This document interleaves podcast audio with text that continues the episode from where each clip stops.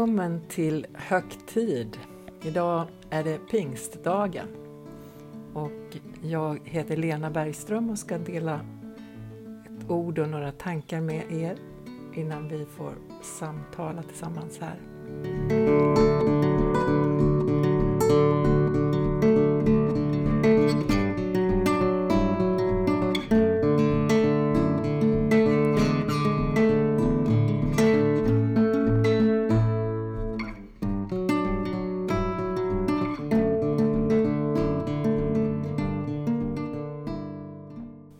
Jag ska läsa ifrån Johannes evangelium, det fjortonde kapitlet och verserna 25 till 29.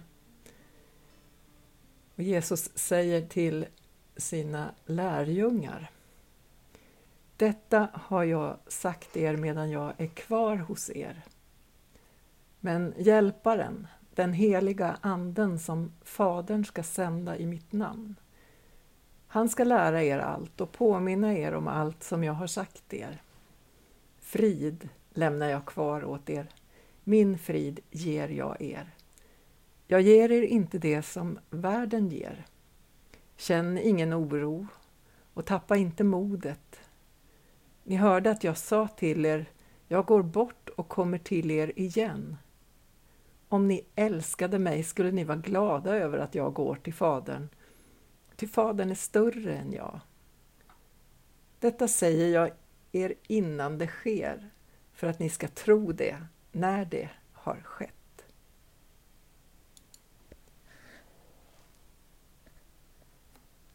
Det är pingst och jag ser ut genom fönstret och ser livet hända nu. Färgerna återvänder efter allt det här gråa och mörka och våren påminner varje år om hur det finns en slags resa i allt liv, i alla skapande processer. Något som händer oss en gång, men också ständigt. Att livet passerar genom någon slags mörker, att vi dör en aning, att vi tappar modet, att vi inte hittar vägen, att det ser ut att vara omöjligt. Och så kommer en vändning när vi plötsligt ser ljuset igen. Och det betyder sällan att allt är bra igen eller att faran är över, men något nytt föds. Det är som att vi sträckte ut en hand mot någon för att få hjälp och så upptäcker att någon har fattat vår hand. En vändpunkt. Som om någon har öppnat dörren till det stängda rummet och sagt Var inte rädd, kom! Det är som om det plötsligt fanns anledning att leva. Och kanske kan man kalla den känslan för frid. Och för mod. Kanske frid och mod nästan är samma sak. Det är en god sak att, att någon gång leva sig in i den resa som de människor som följde Jesus närmast fick göra. Från det att de kom till Jerusalem för att fira påsk och sen när Jesus fängslas, hur rädslan får grepp om dem, hur drömmarna krossas, sorgen när Jesus dör. Johannes skriver om hur Jesus har försökt att förbereda dem. Och samtidigt är det här en resa de måste göra. De måste följa Jesus in i mörkret, om än inte som de modiga efterföljare de nog drömde om att vara. Men ändå följa honom in i smärtan och det där som är som ett slags tvärstopp för livet. In i övergivenheten och besvikelsen, in i alla de känslor som maktlöshet väcker inom oss. Det här går inte längre. Frustrationen, uppgivenheten. Och naturligtvis är sedan uppståndelsen den oerhörda vändpunkten som väcker deras glädje men fortfarande så mycket frågor, så mycket förvirring och de är fortfarande hotade till livet.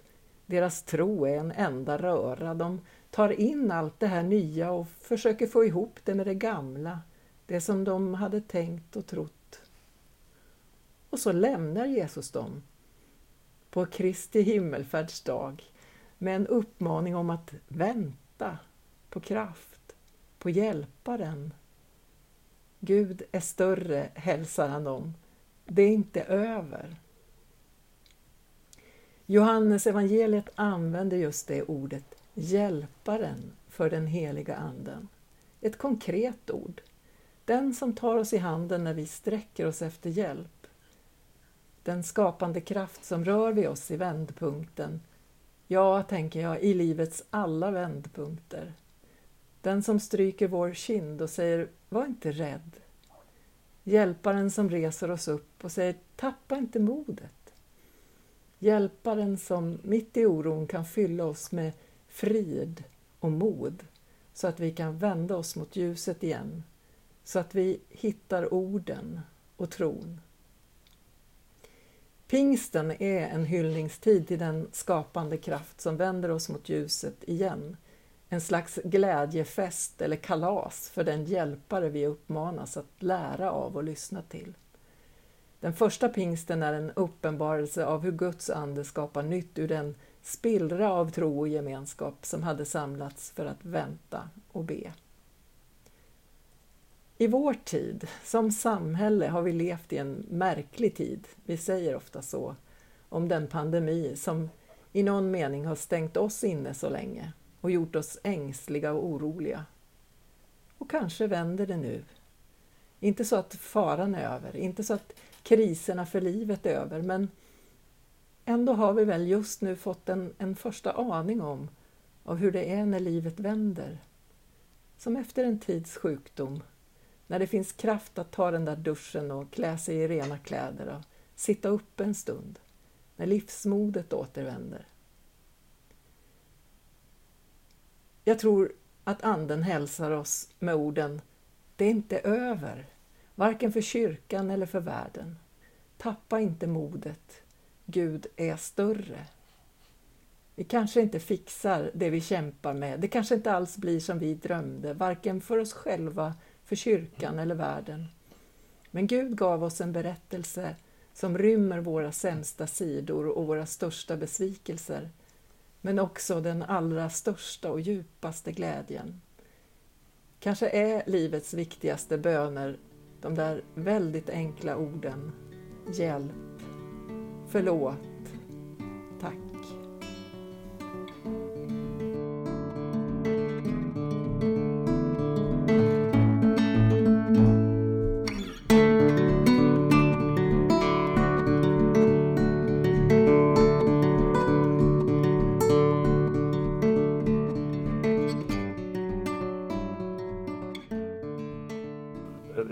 En otroligt stark stund för de här lärjungarna, tänker jag. Alltså det, 40 dagar och så Kristi himmelfärdsdag och detta är kanske någon, pratar vi om någon vecka efter den här mm. himmelfärdsdagen, att de har gått till det här huset och mm. De, de eh, apostlagärningarna berättar ju om att de har samlats i, i bön eh, och, och, och, sitter och väntar. Mm. Finns en, en aspekt av det, av väntan som också är viktig i, i pingstens berättelse? Nej, jag har till över någon mening här som jag inte har sett så ofta förut. Alltså, om ni älskade mig skulle ni vara glada över att jag går till Fadern, ty Fadern är större än jag. Mm. Det var inte alldeles självklart när jag hörde dig säga det, läsa mm. vad det egentligen betydde. Mm. Eller har du, har du, har du, kan du hjälpa mig förstå den lite bättre?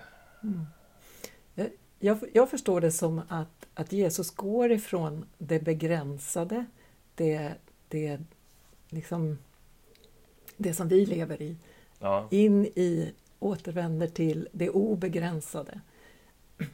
Där, där eh, men typ att det finns så mycket större kraft att hämta i det obegränsade mer än i det, med, i det begränsade ja, som man ser. Typ så tänker du? Ja, större kraft men också en närvaro som inte är begränsad till, till där och då eh, och till den lilla gruppen. Eh, att jag går till Fadern betyder att, att jag kan vara med er alltid eh, och med alla.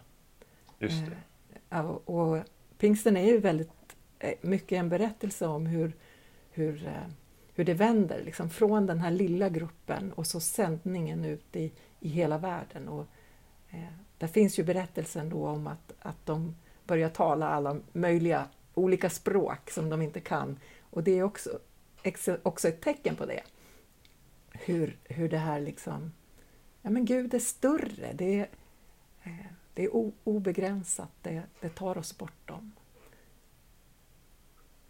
Så, så eh, i någon mening är, eh, om man kan tänka den heliga anden, någon, någon som är både inom mm. oss och, och bortom. Alltså, bort, det, det är liksom mycket större, mycket mera eh, obegränsat då. I, I det hela, men också så där otroligt nära. Eh, Jesus kommer oss både närmare och, och, och eh, säga, längre bort, men, men eh, ett slags positivt avstånd. Mm. Men är, är, kan vi lita på att Anden är med oss hela tiden? Ja. Eller, och det kanske säger mer om mig själv, men jag, jag kan tänka att det är lite på och av. Eller så kan man ju i alla fall känna. Man kan ju känna en väldigt tydlig andlig närvaro i vissa sammanhang. Mm. Eh, och i, ibland känns det helt dött. Liksom.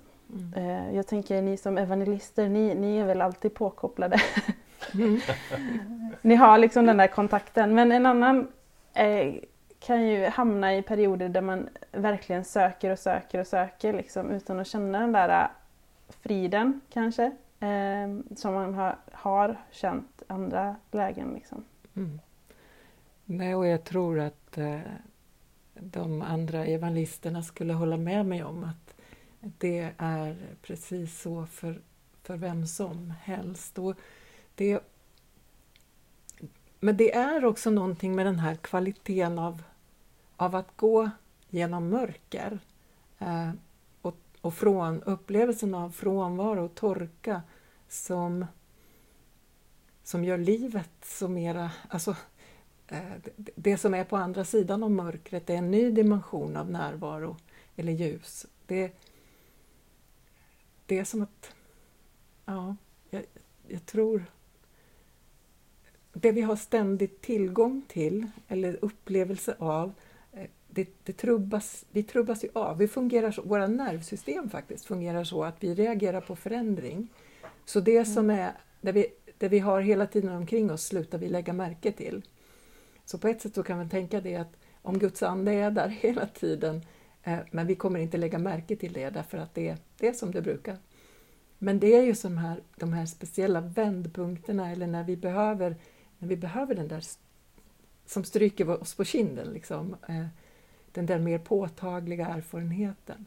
Precis som en, en, en mamma eller pappa som är, är med sitt barn. Liksom att vi, det är ju inte så att vi stryker dem över kinden hela tiden och uppmuntrar dem, men vi ser när det behöver hända. Uh, mm. Och då gör vi det. Vi ser att nu kom du hem från skolan och jag ser att du är lite ledsen och så, och så stryker vi kinden och så, sen får vad, vad har hänt nu? Tappa inte modet. Liksom. Sån hjälpare. Mm. Du, du sa något, något fint här som jag också skrev upp här eh, i mina anteckningar. Du sa att frid och mod är samma sak. Det hajade jag till över och, och tyckte var på ett sätt fint. Men sen så tänker jag, det, tänker du redan att, att frid skapar mod eller att mod skapa frid eller går liksom hand i hand? Eller, eller vill du utveckla det lite grann? Ja, i, i det här fallet så, så tänker jag att det är, det är den djupa friden som ger mod. Så tänker jag att mm. det hör samman. Um, nu, nu, när ni pratade, nu, precis när Elin, i hennes fråga så var det också att frid, frid är då man känner ande. Det, är liksom, det kanske är så det är. Liksom det, när man känner frid mm. så har man liksom kontakt med sin ande. Eller, mm. eller vad det är. är. Och det ger mod. Är det, är lite så du... Mm. Ja, och jag, och jag, tror liksom, jag tror verkligen att det är på det här sättet att det här kan man inte kontrollera. Det här bestämmer vi inte. Vi bestämmer inte när vi ska, när vi ska känna frid eller eh, när Anden rör vid oss, utan det är, eh,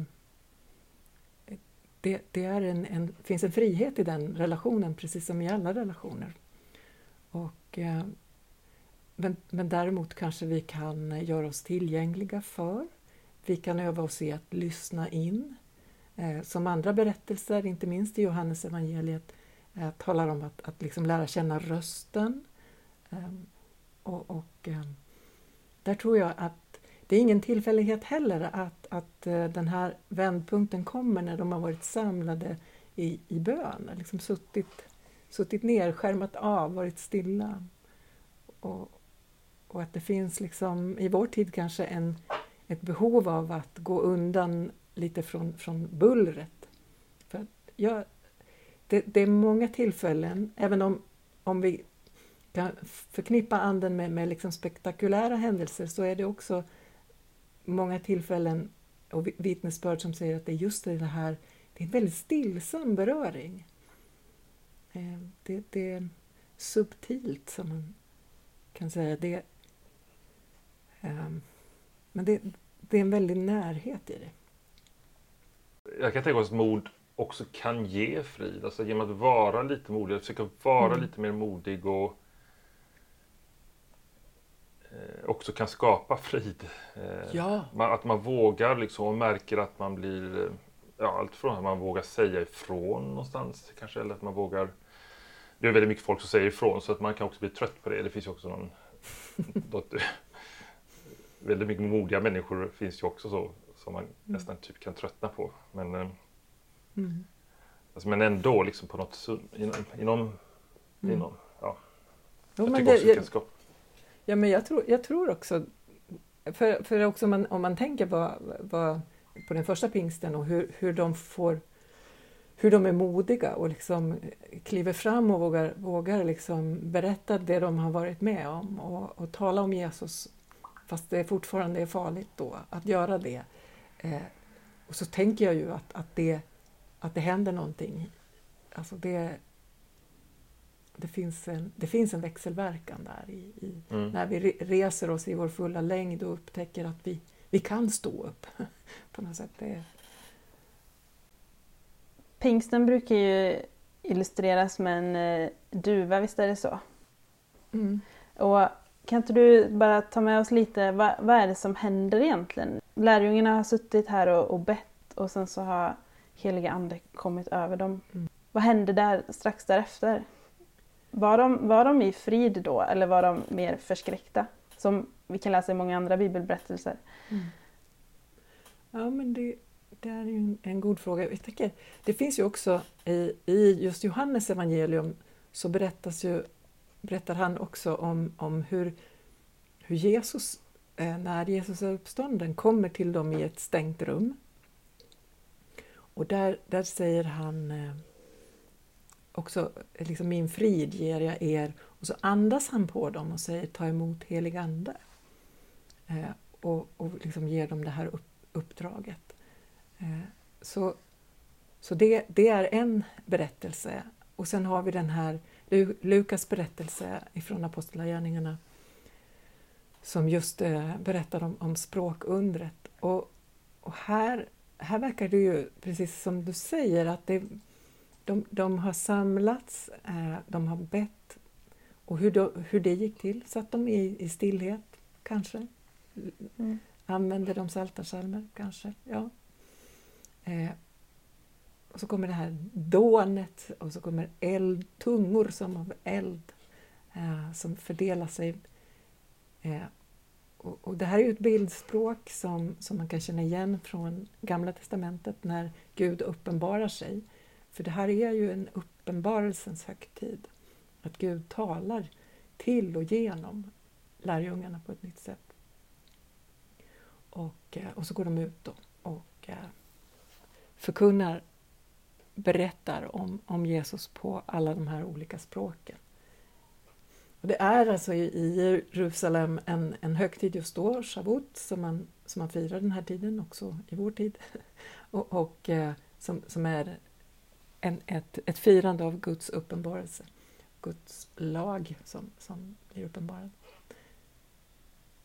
Så, så det här är... Eh, ja, det, finns en, det, det, det är en, en, ett möte också mellan det gamla och det nya evangeliet eller förbundet. Mm. Är de modiga sen? Ja, de verkar ju vara det sen. De, det, det är här det vänder. Det är här de börjar, börjar bli en, en gemenskap som tar tydlig plats i, i samhället. Och, eh, det är här människor börjar säga men oj, hur de älskar varann. Eller det är här de börjar dela eh, livet på ett nytt sätt, även ekonomiskt och, och hjälp, hjälpa varann. Hjälpa de som har det, har det fattigt ibland dem och så. Mm.